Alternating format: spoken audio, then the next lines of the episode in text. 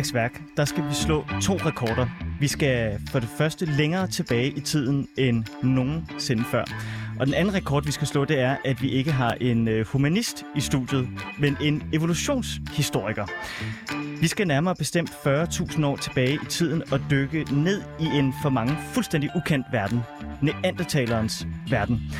Lige nu og frem til 19. februar på Statens Naturhistoriske Museum, så øh, kører de med en udstilling, en særudstilling om neandertalere, der slet ret hedder neandertaler. Men hvad kan vi lære om os selv ved at kigge neandertaleren i øjnene? Kom med mig tilbage i tiden og tag neandertaleren i hånden, for vi skal se på, hvordan homo sapiens forgænger gik på jagt, fiskede, smykkede sig og havde avanceret sociale netværk. Vi skal med andre ord gøre neandertaleren ære, fordi den er slet ikke så dum, som vi ellers har gået og troet. Og hvis du lytter med i dag, så lover jeg dig, at du bliver overrasket, forundret og måske endda også vred.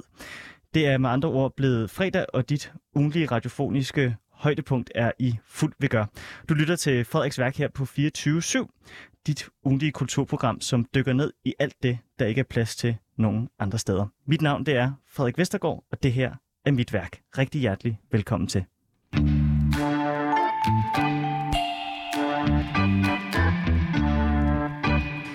Peter Kærgaard, velkommen til.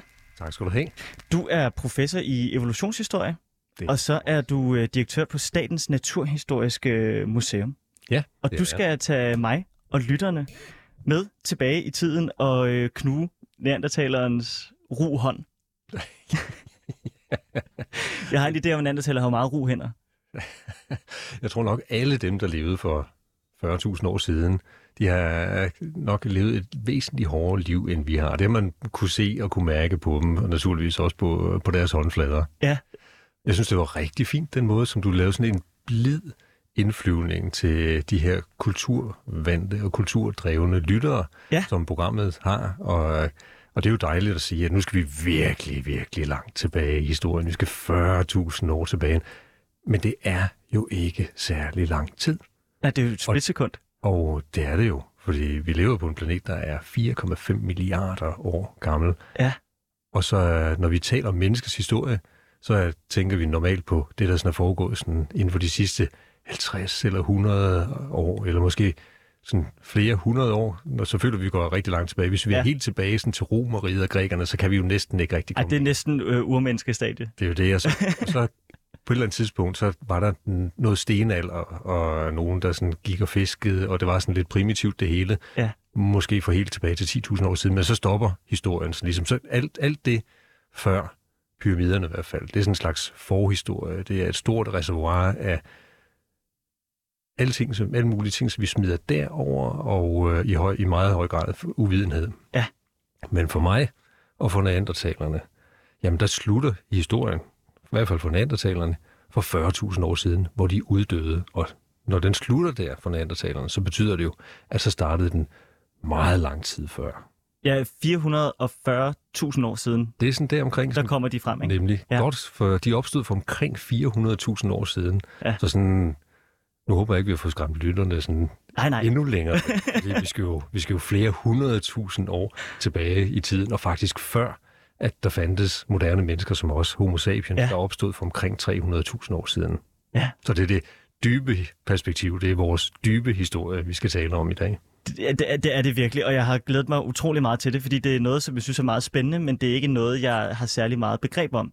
Jeg er jo øh, håbløs øh, humanist, og du er jo evolutionshistoriker øh, og, og professor dertil i det.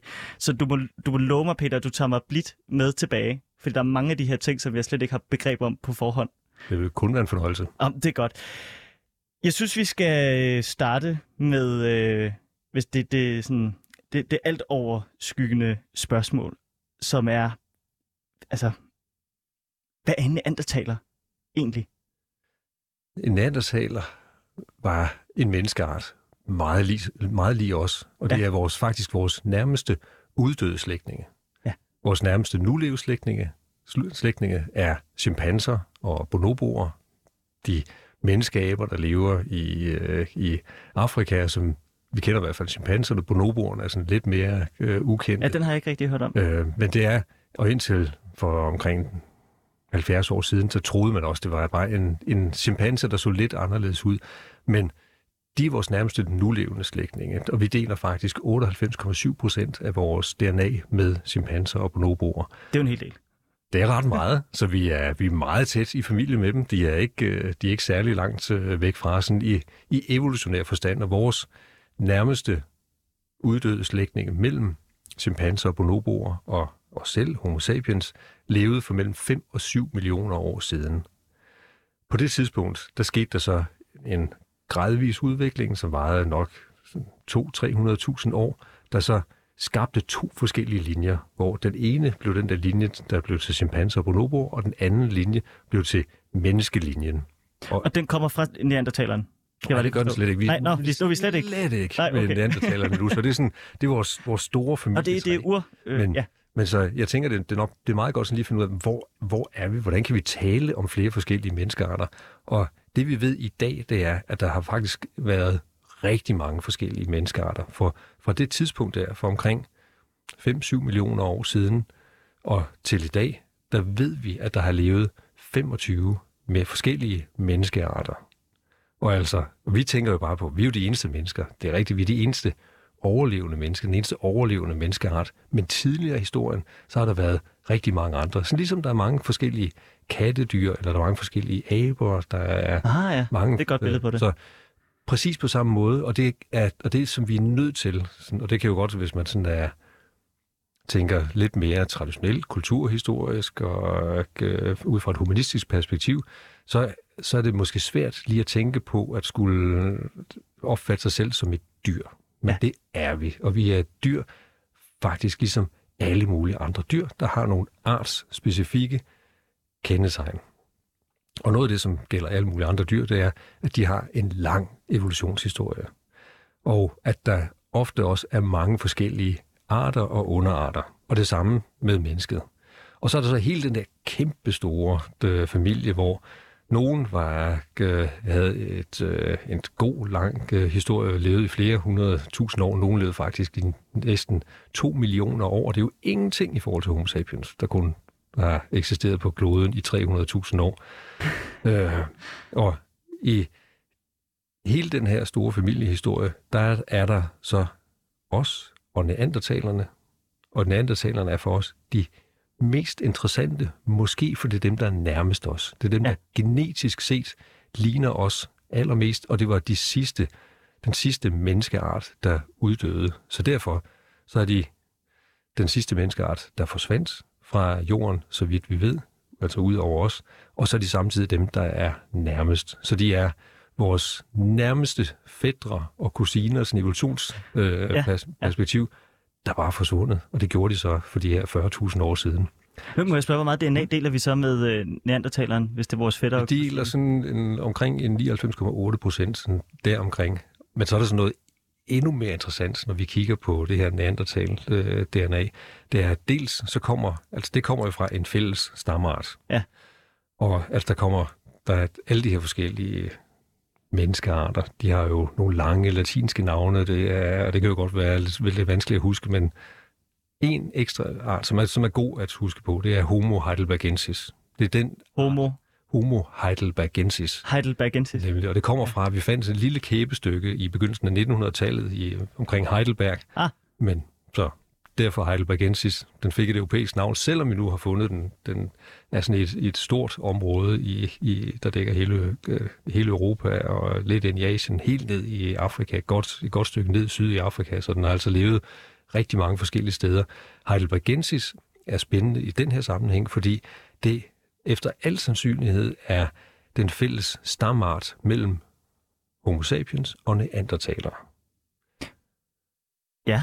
Og øh, så det er der, vi får vores gener fra. Og det er derfra, vi kan se, at Homo sapiens og neandertalere, de har så det her fælles genetiske ophav. Det er sådan, det er vores, øh, vores evolutionære stamart.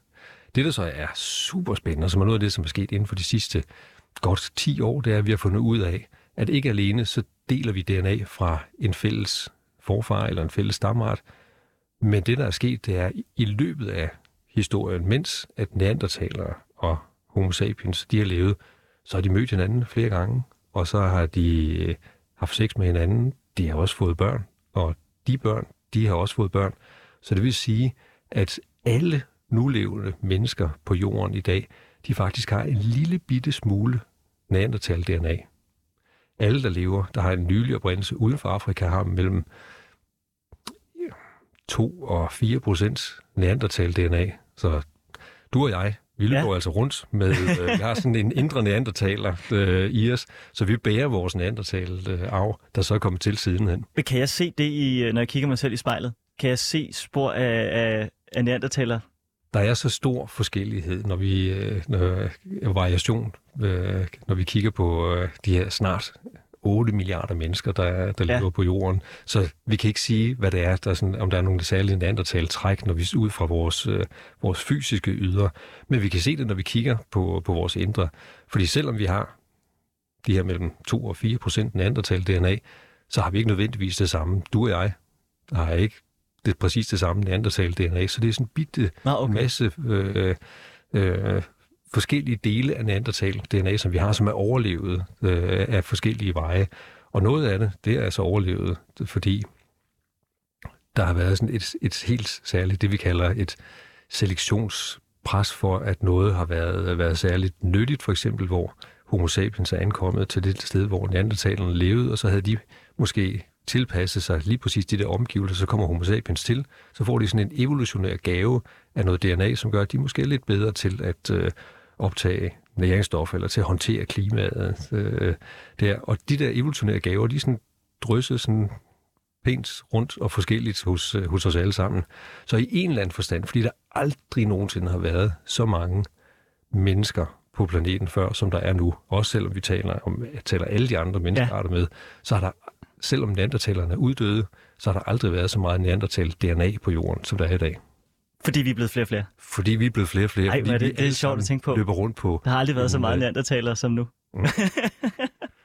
og det var sådan en af de der fantastiske ting, som vi har opdaget, og konsekvenserne af det er jo, er jo virkelig, øh, virkelig spændende og, og vidtrækkende. Men vi beder altså rundt på neandertalerne, så ligesom vi skal passe godt på, øh, på chimpanserne, som er vores nærmeste nulevende slægtninge, så bærer vi på vores, øh, vores egen øh, uddøde slægtning, og den eneste måde, vi egentlig kan blive ved med at passe på dem, det er ved at passe rigtig godt på os selv. Jeg kunne godt tænke mig, at øh, vi også lige øh, fik øh, et billede et, på den indre øh, nethænde af, hvordan en neandertaler så ser ud rent fysisk. Ja. Hvis du kan beskrive det øh, for os, Peter. Neandertalerne var lidt kortere end uh, Homo sapiens, ikke så høje, uh, kraftigere bygget med uh, sådan et noget kraftigere skelet, lidt mere tyndeformet uh, overkrop, uh, sådan Obelix. brede skuldre. Der er jo sådan en lille smule Obelix, måske knap så meget mave, altså, stærke, stærke muskler havde Obelix nok også, selvom der, jeg tror, der var sådan, uh, der var også en del vildsvinepolstring hos, uh, hos Obelix. Uh, så havde de også et, uh, et, uh, et større fedtlag, end, øh, øh, end homo sapiens øh, har gennemsnitligt set.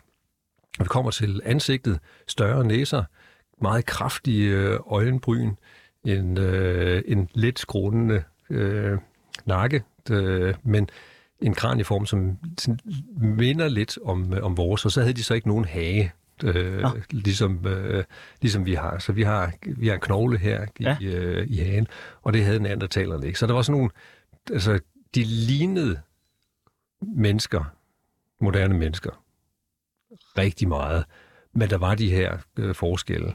Men den variation, som der er mellem mennesker, og den variation, der har været mellem neandertaler, har gjort, at hvis en neandertaler gik rundt i København i dag, mm. jamen, man vil ikke lægge mærke til en, eller lægge mærke øh, til ham. Det vil man ikke. Altså, øh, noget særligt. Det kan godt være, at man sådan lige vil tænke, hvad, hvad søren er det? Det var, der er en, der sådan stikker en lille smule ud, men en anden taler vil sagtens kunne, gen, øh, kunne gemme sig i en, øh, en moderne øh, menneskeflok. Hvis man lige gav en anden taler moderne tøj på, så tror jeg ikke, der er mange, der vil lægge mærke til øh, vedkommende i metroen. Nå, det er sjovt. Fordi vi har jo sådan et billede af, at det nærmest bare... Vi, altså, vi alle kan huske den der tegning mm. fra, øh, fra skolen, ikke? Med den lille abe, der så bliver til homo sapiens. Nemlig. Øhm, og der ligner den, på den tegning der, så ligner den ret meget en abe, ikke? Det er så også fordi homo sapiens altid tegnet så moderne på den der tegning der. Præcis. Flot, rank, ja. moderne, øh, opretstående, europæisk mand. Ja, præcis. Der er jo ikke altså, plads til andre end europæere og kvinder i det der, det der selvbillede, som vi har, som vi har skabt om, øh, omkring sådan det perfekte menneske. Og det skal, jo... vi, øh, det skal vi tale om øh, senere, fordi øh, neandertaleren har jo fået et blakket ryg. Det er korrekt. Og det er menneskets skyld. Og det skal vi, ja, det, det skal vi, øh, skal vi tale om senere. Øh, nu sagde du, at øh, der var enormt mange øh, spændende konsekvenser ved, at vi havde øh, neandertaler-DNA, og vi er blevet flere og flere og flere. Mm. Hvorfor er det, du som evolutionshistoriker synes, at det er vigtigt, at vi kender til en øh, uddød menneskeart? Der er flere forskellige grunde. Der er øh, nogle helbredsmæssige grunde. Nu er vi jo i, i, i gang med at undersøge Neandertal øh, DNA'et, og udover sådan den første kæmpe overraskelse, og det var en overraskelse, jeg vil nok sige for, for mange af mine kolleger, der var det også et chok, at vi skulle dele Neandertal DNA, at det her, den her primitive evolutionære fætter, øh, at vi skulle have haft noget som helst med dem at gøre, og vi selv skulle løbe rundt med Neandertal DNA, det var, det var sådan, det var fuldstændig utænkeligt. Og du også chokeret som videnskabsmand, da du fandt ud af det? Jeg, var, jeg vil sige, jeg var overrasket, ja. men jeg blev også ufattelig nysgerrig. Og, det, det, og, og jeg synes simpelthen, det var noget af det mest spændende, som vi har fundet, fundet ud af i, i nyere tid. Det åbnede på en, en række spørgsmål. Dels så er vi jo så, så vist det så, så, at vi er meget, meget tættere på neandertalere, end vi har troet. Vi har ikke kunne bruge dem som, eller vi kan ikke længere bruge dem som det modbillede til moderne mennesker, som, mm. øh, øh, som vi, at, de, at de ellers har været sådan i næsten 150 år. Så vi er jo nødt til på en eller anden måde at tænke på, hvordan gør vi dem til en del af vores egen historie. Og så er der så det fantastisk fascinerende, at nu kan vi, kan vi begynde at kigge på, hvad er det for nogle gener, der har overlevet? Hvorfor er det, de har overlevet? Og hvad er det, de, de gør ved os? Og noget af det, som vi kan se, øh, at homo sapiens har fået ud af neandertalerne, det er blandt andet øh, nogle, nogle gener, der, er, der hjælper med at optage øh, salt, fedt og sukker. Ja. Og øh, det var en kæmpe fordel. Neandertalerne opstod i Europa, og homo sapiens i, i Afrika. Og da homo sapiens så begyndte at vandre ud af Afrika, mødte neandertalerne, de var, der var de tilpasset et, et klima, der var både koldere, og hvor det var mere vanskeligt tilgængeligt at få fat på, øh, på de her føderessourcer, som vi jo alle sammen har, har brug for. Hvis man så lige kunne få nogle nandertal-gener, der, var sådan, der gjorde det lettere for kroppen at optage de her virkelig gode ting, jamen så var det fantastisk. Så det var perfekt for 50.000 år siden, hvor der ikke var særlig meget salt, fedt og sukker tilgængeligt. Men ja. i dag, hvor det er det... Der er jo næsten for meget. der er ikke bare, der er næsten, næsten for meget. Der er for meget. Det er det lettest tilgængelige. Det er det billigste ja. øh, i, et, øh, i et hvert discount supermarked. Ja. Hvis du skal leve aller, aller billigst, jamen så er det det, vi lever af. Så det der, der var med til at øh, sikre overlevelsen for 50.000 år siden, det er sådan noget af det, der i dag er med til at give os en lang række af de livsstilssygdomme, som vi har, som diabetes og, overvægt og, og så videre. Så den der neandertal-gave, den, altså bare, den kommer med en regning øh, i dag. så det er sådan et eksempel på, hvor at, at når vi begynder at finde ud af det der, så kan vi også så kan vi bedre håndtere vores, øh, vores både sundhed og, og forskellige sygdomsforløb. Nu er vi lige gået igennem en, en meget lang, tung, hård og svær global pandemi. Og noget af det, som vi er begyndt at kigge på, det er, når vi ser, at hvorfor er det, at nogle folk bliver ekstremt syge? Hvorfor er der nogen, der klarer, der, der klarer sig så øh, nemt igennem et øh, covid-forløb? Og det viser sig faktisk, at øh, neandertal DNA også spiller en rolle der. Der er øh, for nogen, så, så er der nogen, øh, der har en bestemt øh, genvariant fra neandertalerne, de får et sværere forløb. Andre, der har en anden variant, får et lettere forløb. Nå. Og øh, der kan man se hele den her genetiske mosaik, som vi er med. Jo mere vi forstår af den, og dermed også jo mere vi forstår af neandertalerne, jo bedre bliver vi også til at forstå, hvorfor der er nogen, der får nogle, øh, nogle svære sygdomsforløb. Og måske, når vi sådan kigger 5-10 år frem, så vil vi være langt bedre til at differentiere den her sådan en, øh, et pandemiudbrud for eksempel, øh, som, vi er, som vi lige har været igennem. Så der, der er sådan en hel masse mulige konsekvenser af det her, som, er, som kan omsættes til noget, der er, øh, er utrolig vigtigt for os alle sammen. Så det er jo virkelig en, en, en, en gave at, at lære neandertalerne at kende? En kæmpe gave. Altså ja. jo mere vi lærer, at øh, vi lærer dem at kende, jo mere lærer vi faktisk os selv at kende, og jo, jo bedre vi bliver, øh, jo mere vi får, får at vide om neandertalerne, jo dygtigere bliver vi også til at håndtere os selv. Og det er jo, må vi sige, noget af det, som vi er aller, aller sværest ved som mennesker, det er at håndtere os selv. ja, det er rigtigt. Men egentlig, det som jeg synes er allermest spændende ved spørgsmålet omkring neandertalerne, det er jo det store, dybe, eksistentielle spørgsmål. Hvorfor uddøde de? Nå, det var ikke det. Der er altid det. Men, men, det, der, men det, som egentlig er, er synes, synes jeg er mest spændende for, hvorfor vi skal interessere os for neandertalerne, det er, fordi det, er, det rækker lige ind i spørgsmålet om, hvem er vi? Ja. Og hvor kommer vi fra? Og i dag, når vi kigger på neandertalerne og sammenligner dem med den situation, som vi selv står i på, på planeten, jamen så kan vi bruge den til at reflektere over, hvad er det, vi har gang i lige nu. Vi står, øh, vi har lige gået igennem en pandemi, som vi taler om. Vi står midt i øh, konsekvenserne af menneskeskabte klimaforandringer. Vi har først begyndt at se, hvad det kommer til at betyde for planeten, for, øh, for vores egen eksistens, øh, for vores samfund, for økonomi, for menneskers sundhed og, og så videre. Alle de her spørgsmål. Vi har en biodiversitetskrise, hvor at arter, ja. biologiske arter, de forsvinder med en større hastighed, end de gjorde dengang, da jorden blev ramt for 66 millioner år siden af en kæmpe stor meteorit og udryddede dinosaurerne. Det gik hurtigt, men det går hurtigere i dag. Jordens biodiversitet, den forsvinder med en hast, som er fuldstændig ubegribelig, og det er alt sammen menneskeskabt. De eneste, der kan ændre på den her situation i dag, det er os selv. Det er mennesker. Og når vi kigger på neandertalerne, jamen så får vi en mulighed for at reflektere over det. De havde ikke nogen chance. Dinosaurerne havde ikke nogen chance. Neandertalerne havde heller ikke nogen chance. Vi skulle tale om, om deres uddøden senere. Ja, ja, ja. Men, men de forsvandt. De, øh, de, deres verden forsvandt øh, fra dem. Vi står i en situation, hvor vores verden også meget nemt kan forsvinde, og i hvert fald livsgrundlaget for os selv, at det kan vi være med til at, øh, at, at, øh, at fjerne. Det giver os et rum til at reflektere over, at vi ikke skal tage vores egen eksistens for givet. Mm. Det gjorde neandertalerne, men deres verden forsvandt. Hvis vi tager vores egen eksistens for givet, så kan vi meget vel risikere den samme skæbne som neandertalerne, og det er der jo ikke nogen af os, der ønsker. Nej, for pokker. Så derfor, og det er, næsten det, det er næsten det vigtigste, kan vi bruge neandertalerne til at tage den her vigtige samtale om, hvem vi er, hvor vi kommer fra, og hvor det er, vi gerne vil hen. Ja. Hvad er det for en verden, hvad er det for en fremtid, vi gerne vil skabe, og ikke bare for os selv, der lever nu, men for vores øh, børn, børnebørn og, øh, og oldebørn, alle dem, der skal leve ind i det 22. og helst det 23. og 24. århundrede. Hvad er det for en verden, vi vil efterlade? Og, øh, og det er nok den vigtigste samtale, som vi overhovedet kan have i dag. Og der kan neandertaleren hjælpe os. Så synes jeg, Peter, vi skal lære neandertaleren bedre at kende ved at, øh, at tage hjem til, til neandertaleren. Øh, fordi det er også det, der er udgangspunktet for, øh, for udstillingen, det er, at vi skal have et mere nuanceret blik på, hvordan de levede, og det synes jeg er, er, er særlig interessant, fordi nu taler vi jo om dem, når de nu er øh, er uddøde. Og det kan være, at der står nogen på et tidspunkt, der taler om, hvordan homo sapiens øh, levede og indrettede sig. Øh, hvordan levede neandertaleren? Du siger, de var i Europa, ja. lidt i Asien. Mm. Øh, men hvordan levede de? Hvordan havde de indrettet sig?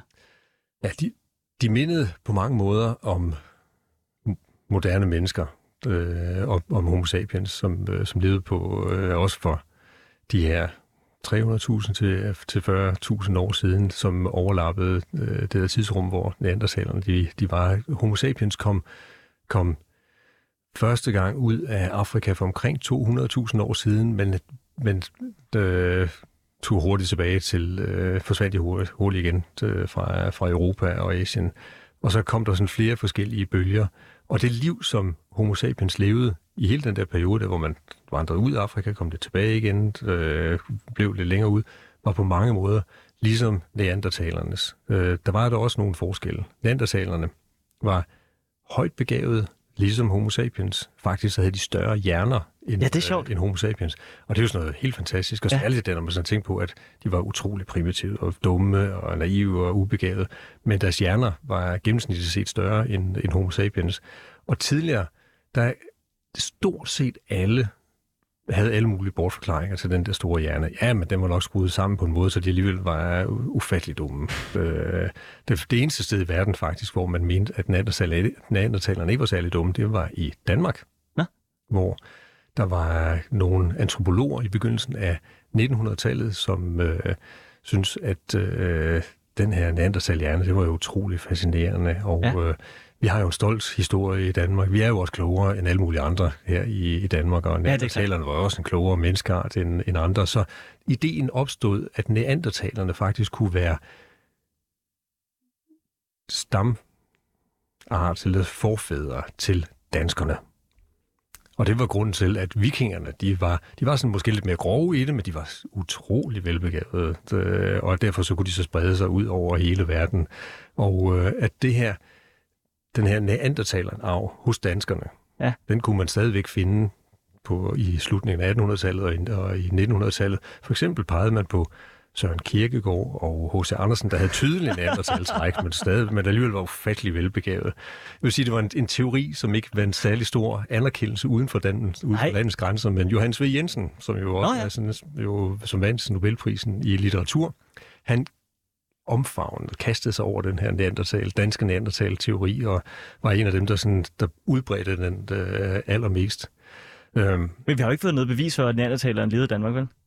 Nej, det har vi ikke. Nej. Ikke nu. Det er, øh, men hvem ved, det kan være, at øh, det kommer i lang tid faktisk. Fra 1900, i 1950'erne, der opdagede man nogle ben i Hollerup, oh. øh, sådan, øh, lidt uden for Randers, ja. øh, der så ud til, at de havde sådan nogle, øh, at de var blevet knust, øh, brækket, og så for at øh, suge marv ud, og det var der sådan der nogen, der mente i rigtig lang tid, og faktisk så var det fuldstændig fast etableret øh, øh, så at det dukkede op i lærebøger, blandt andet i historiebøger. Ja. Øh, en af mine egne sønner fik en historiebog, og kom glad hjem og sagde, far, prøv at se, de første mennesker levede i Danmark for 130.000 år siden.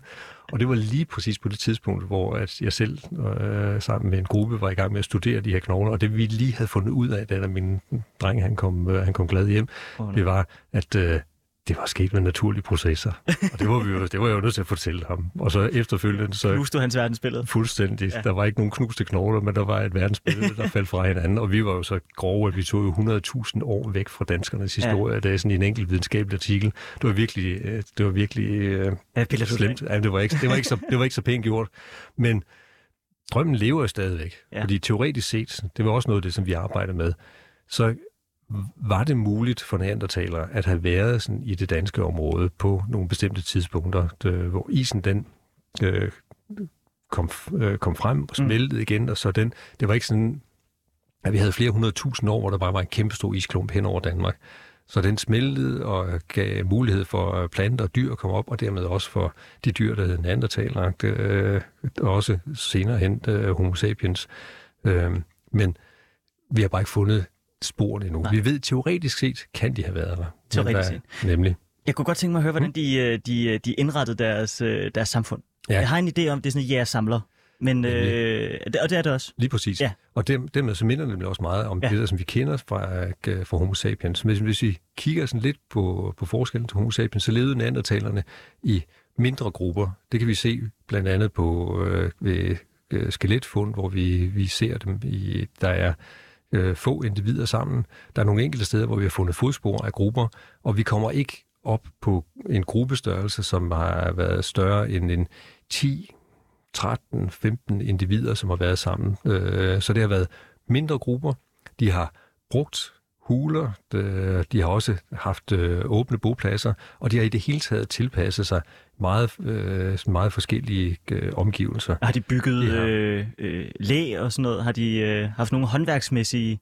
Ja, var, øh, hmm? ja, har de haft nogle håndværksmæssige øh, projekter, som det, vi havde fået spor af? Jeg kan godt lide håndværksmæssige projekter. Det er et rigtig, rigtig godt øh, ord. De, øh, og, det, og det har det nemlig, fordi de har både øh, de har lavet øh, stenredskaber, og de har øh, øh, lavet øh, spyd, sammensatte, øh, sammensatte redskaber, hvor de har hæftet øh, øh, spydspidser på nogle, øh, nogle træspyd, og de har, øh, for at kunne gøre det ordentligt, så har de så fremstillet en øh, bestemt lim af øh, birkebark, som, de har, som er, er helt utrolig vanskelig at, øh, at, at udvinde, som kræver flere timer, en helt bestemt temperatur, der skal holdes for at udvinde en, øh, en tjære af den der birkebark, øh, som hvis du og jeg skulle lave den, vi ville fejle fuldstændig. Ja, ja, det er ikke ligesom at lave birkesaft at du bare bor et hul. Nej, så... nemlig. Det er en, en, helt anden, en helt anden proces. Utroligt øh, avanceret Men det er jo videnskab, det der. Det er meget tæt på. Det er i hvert fald en, øh, ja. en avanceret teknologi, som, øh, som de har brugt. Øh, de har Øh, de har ikke udsmykket sig, brugt øh, smykker. De har nogle af de, øh, nogle af de redskaber, nogle af de våben, som de har, som de har lavet, har de lavet af materialer, for eksempel kvarts, der ikke har været mm. særlig gode våben, men, våben, men bare set rigtig, rigtig gode ud. Så de har også haft en æstetisk sans? De har haft en æstetisk sans. Øh, vi har også eksempler på, det kan man blandt andet komme ind og se øh, ind på udstillingen, øh, nogle, nogle enkelte ting, som har været har været har haft en eller anden enten symbolsk eller en æstetisk værdi. Fossil hejshand, øh, øh, bjørneklør og andre ting, som de har båret. Vi har eksempler på, at de har med okker, så har de malet nogle af deres øh, stenredskaber. Øh, de har haft øh, skaller, som de har øh, øh, brugt sandsynligvis som, øh, som halskæder. Så mange af de her ting, som vi associerer til noget, som kun mennesket, homo sapiens, har gjort, det har de også, øh, det har de også gjort. At de har set en værdi i noget, der ikke havde værdi andet end i sig selv. End at, nemlig ja. at øh, noget, der har givet på en eller anden måde en, øh, en, en nydelse, en, øh, en, en fornøjelse, eller har, givet, har været en værdi, hvis man har givet dem videre. Vi har også eksempler på, at de har været rigtig gode til at vise omsorg for hinanden. Hvordan har man fået beviser på det? Øh, for eksempel så har vi sådan et af øh, et af de tidlige fund i begyndelsen af, af 1900-tallet, der var med til at give neandertalerne et rigtig dårligt ry. Det var øh, den, det, som vi, det fossil, som vi kalder den gamle mand fra Saint-Chapelle. Han var præget af, øh, af gigt, og derfor så kan man se, at øh, knoglerne de var, de oh, ja. var skæve, og øh, der var ikke nogen, rigtig nogen tænder tilbage. Øh, og det fik videnskabs mænd, og det var stort set mænd ja, det på, på det tidspunkt, til, øh, til at, at sige, at det var, de her var krumrykkede, og det, lige præcis det der billede, som du talte om tidligere, krumrykkede, primitive øh, og i alle henseender underlegne i forhold til, øh, til homo sapiens. Men i dag, der, når vi kigger på, på det fossil, så er det for os et tegn på, at den her person har, kun, har ikke kun overleve, medmindre der har været nogen til at, Nå, ja, øh, at tage sig af ham, ellers så var han død for flere år siden. Ja. Vi har også mange eksempler på, at, øh, at brækkede knogler, at de er, at de er helet øh, af folk, der har plantersaler, der er blevet slået i kraniet, som har, som har overlevet øh, i, i længere tid, efter at man har været ude for en eller anden form for ulykke. Og det kan man, hvor man ikke har selv været i stand til at få, at få føde, det har man kun kunne få ved at blive plejet af, af andre.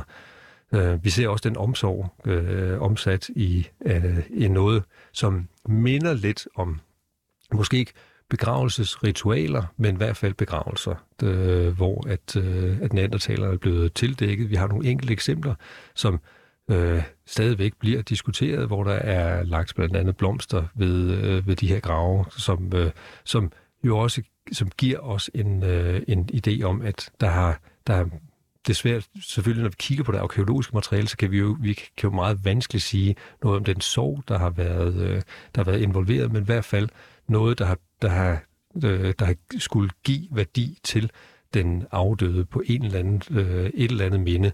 Nogle arkeologer har haft enormt svært ved at tage det der spring, fordi vi er simpelthen, og vi har været så utrolig optaget af at være unikke som ja. mennesker. Så vi vil, vi vil ikke dele noget som helst af alt det, som vi synes gør os til mennesker, med nogen som helst andre. Nej. Men det interessante er, når vi sådan...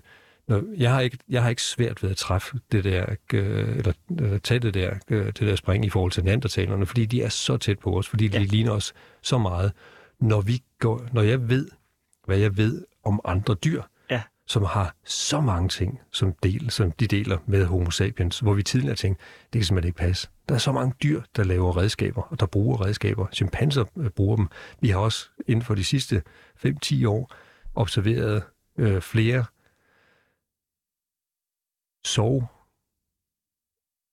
adfærd hos chimpanser, hvor vi tidligere tænkte, at der er ikke andre dyr kan ikke sørge. Nej. Det er kun mennesker, der kan, der kan sørge. Men når vi ser de her ting hos chimpanser, jamen så, som jo alligevel er noget længere væk, altså sådan helt 5-7 millioner år tilbage i tiden, i, og så sammenligner med neandertaler, så har selvfølgelig har de været i stand til, de har lignet os på langt flere områder, end, øh, end vi tidligere har, har tilladt. Så sådan som, som jeg ser det, det er, at vi skal, vi skal virkelig gå på, øh, til, til det her arkeologiske materiale på ja. en helt anden måde. Og så får vi altså en fascinerende menneskeart, der er der minder så utrolig meget om os selv, og som har levet sådan parallelt med, øh, med os selv, og som vi kan lære utrolig meget af, når vi kigger på ligheder, frem for at kigge på forskelle til neandertalerne.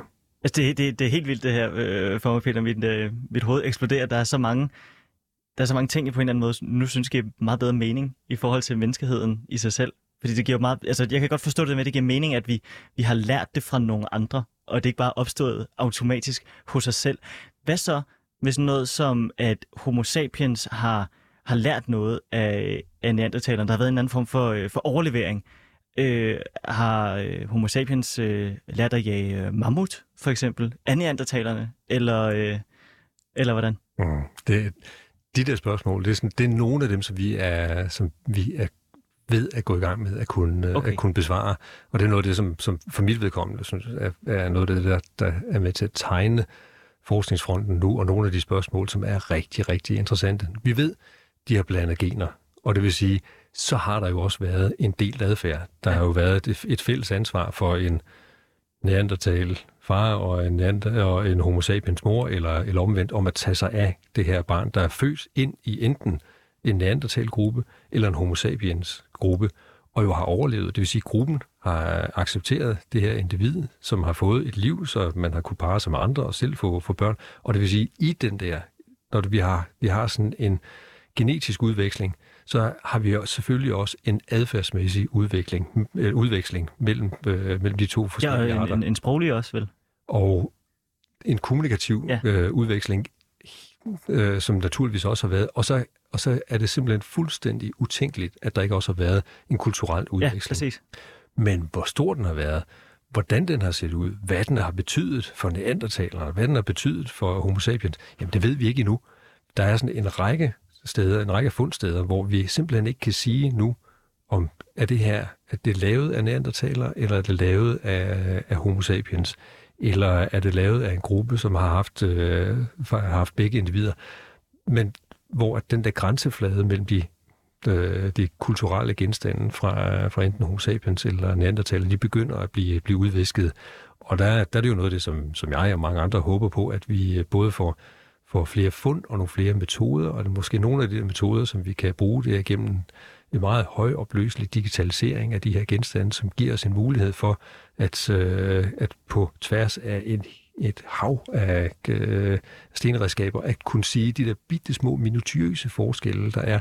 Hvad er der sådan helt nøjagtigt? Hvad er den neandertal karakteristisk? Hvad er homo sapiens karakteristisk? Og kan vi se det her øh, blande sig? Det er, så på digitaliseringsområdet, der har jeg store forventninger til, at ja. vi kan begynde at kigge på en masse af det materiale, som vi kender i forvejen, men hvor vi bare ikke sådan med vores øh, lidt lavopløselige menneskelige øje kan, kan se det her. Og hvis vi så lægger intelligent design, eller intelligent, øh, kunstig intelligens ja. øh, ind over, øh, og øh, så har vi måske nogle muligheder for at øh, besvare nogle af de her spørgsmål. For jeg vil lige så gerne, jeg lige så nysgerrig, som du gør, når man hører, øh, når man hører de her. Altså, ja. øh, fordi det er, det er det naturlige gode spørgsmål. Og hvad så? Hvordan, hvordan blander det sig? Hvordan ser, hvordan ser det ud? Og hvor meget har de, hvor meget har de lært af, af hinanden? Øh, og det er, det vil sige, det er, det er sådan et af de steder, der, hvor, vi skal, hvor vi skal hen, det er at finde de rette metoder til at besvare de der spørgsmål. Jeg er fuldstændig sikker på, at hvis vi står her om 10 år og har den samtale, den samme samtale... Så har du et svar til mig. Så har jeg et svar. Ej. Og så, er det, men så har du nogle nye spørgsmål. Ja, ja. Og det er det, som vi skal jagte. og det er jo det fantastiske ved videnskaben. Øhm, I forhold til, at de, øh, de, de, de helt tydeligt havde øh, kultur, ved vi så noget om, hvordan at... Øh, at deres øh, kønsroller så også var? Kønsroller er utrolig vanskeligt at, øh, at sige noget om, øh, men vi har sådan nogle enkelte, øh, enkelte indikationer. Hvis vi kigger på naturfolk hos, øh, hos homo sapiens, så er det sådan, jo, jo mere kødtung diæten den er, jo, øh, jo større øh, øh, kønsforskel i forhold til de sociale opgaver øh, er der.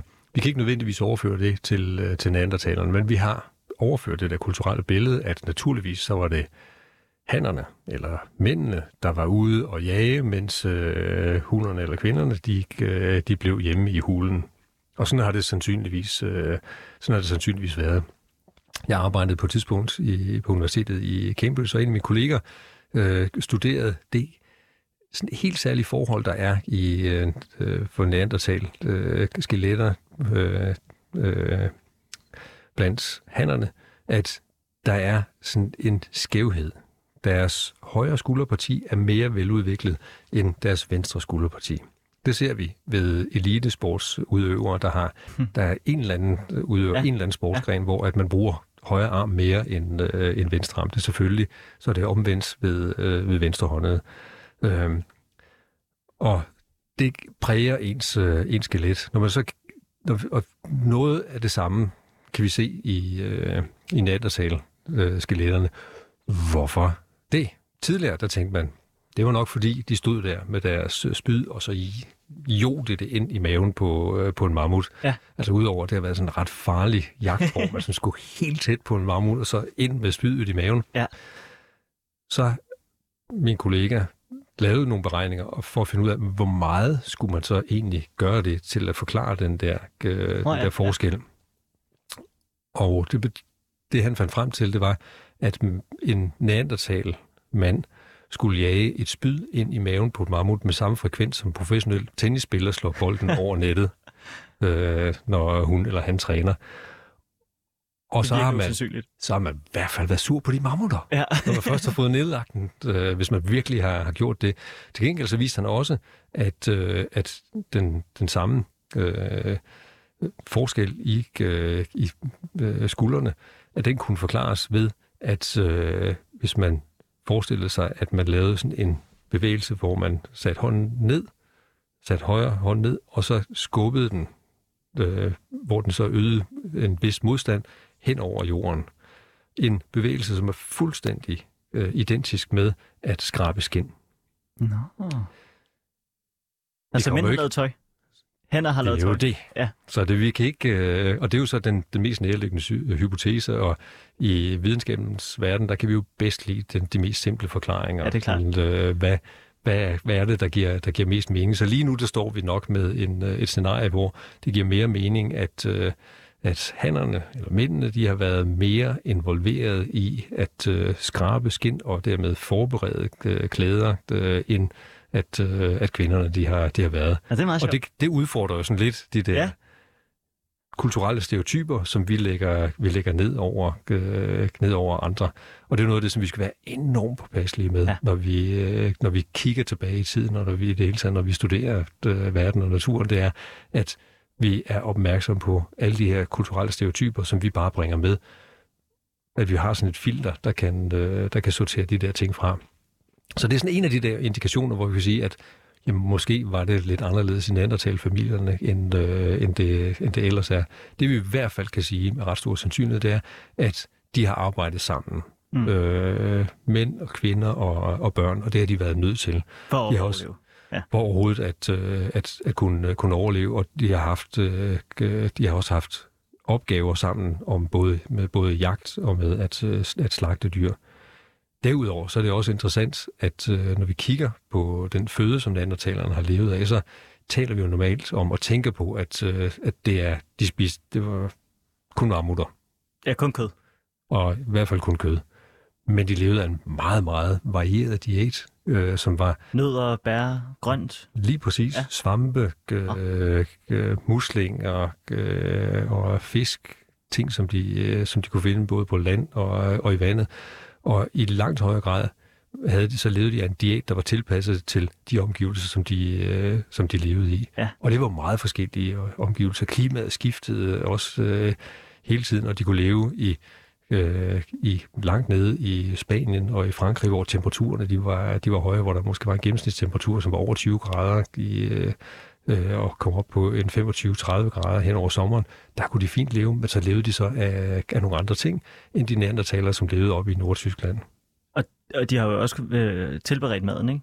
Det har de nemlig også. Så de var, de var exceptionelt gode til at styre ild. Så de kunne lave både den her, styre ilden så præcist, at de kunne lave den der øh, lim Ja, øh, tjære, og så nemlig, og så kunne de, øh, kunne de samtidig så tilberede de så også deres mad. Og øh, tilberedt mad er en kæmpe fordel, både for øh, homo sapiens og for neandertalere, øh, og for de første mennesker, der, der sandsynligvis startede med at bruge ilden Homo erectus, som vi også stammer fra, øh, at vi får mere energi ud af tilberedt mad, end af rå mad. Så derfor så var det en, en stor fordel, så du skulle ikke, du behøvede mindre mad, hvis du kunne tilberede den. Peter, vi skal nå, fordi tiden er imod os. Der den er altså mange spørgsmål. Jeg, har, øh, jeg kan se på mine noter, jeg har lavet omkring øh, 35, og vi har nået en 5-6 stykker. Men øh, jeg bliver simpelthen nødt til at få øh, to ting på plads, inden at øh, vi, øh, vi slutter for i dag. Øh, vi skal nå igennem, hvorfor at vi har haft så negativt et billede på dem.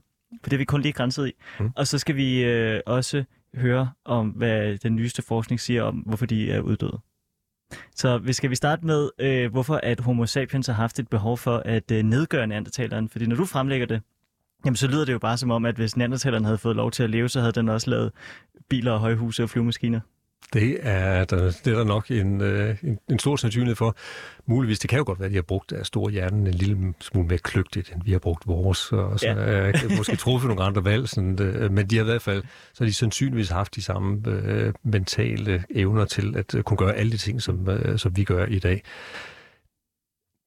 Neandertalerne blev opdaget i 1800-tallet, øh, mere præcis i 1856 i Neandertal i, øh, i Tyskland af nogle minearbejdere, der troede, de fandt en hulebjørn, og så øh, øh, viste det sig, at det var i virkeligheden, så var det øh, øh, noget fra kraniet fra et, et andet menneske. Det blev, det blev set som sådan meget primitivt øh, menneske. På det tidspunkt, der, var der havde man ikke fundet andre menneskearter, så bare det der at tænke på, at vi som moderne mennesker skulle have en dybere historie. Det var stadigvæk noget, man sådan arbejdede lidt med. Der var en del, der stadigvæk havde sådan en bibelsk øh, Mm. tidshorisont på en 10, 15, 30.000 år. Så at skulle forestille sig, at jorden skulle være flere millioner år tilbage, og at, øh, at der skulle have været nogle, nogle forhistoriske mennesker, det var, det var stadigvæk ret svært. Så pludselig så dukker der den her, den her, det her nye menneske op, og der går øh, et, øh, et par år øh, indtil 1864, hvor der så nogen, der mener, at det her det er en anden menneskeart, og den får navnet Homo neanderthalensis.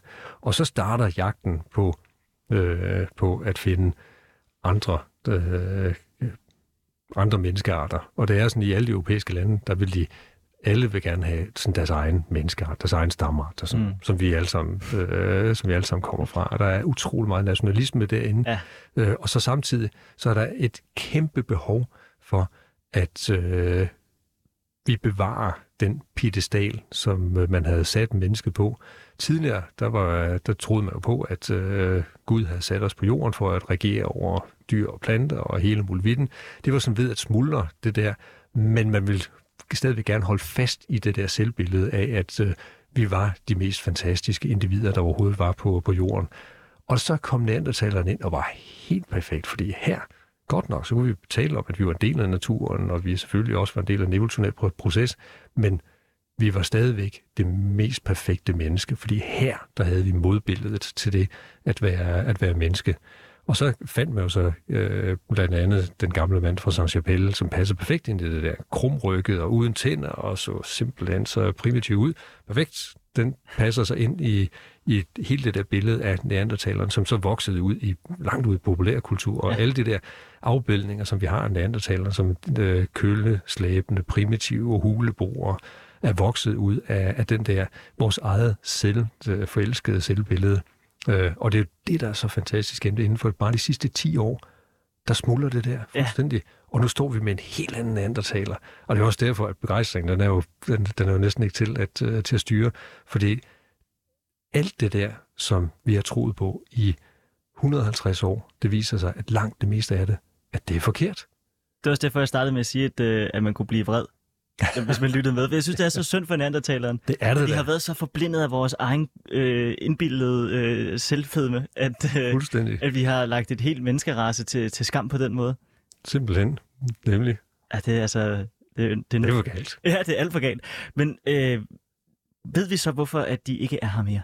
Ja, det har jo så også været sådan et af de store spørgsmål. Det faktisk så hænger det lidt sammen med, med spørgsmålet om vores forhold til neandertalerne. For tidligere, så troede man, at øh, den her primitive menneskeart, der levede, når først moderne homo sapiens kom ind, Ja, så var så det. klogere, Ja, ja. stærkere, smukkere, dygtigere alt muligt, altså så, vil de, så udrydde de neandertalerne på en gang. Øh, så den der nedkæmpnings øh, øh, idé, den har levet rigtig lang tid.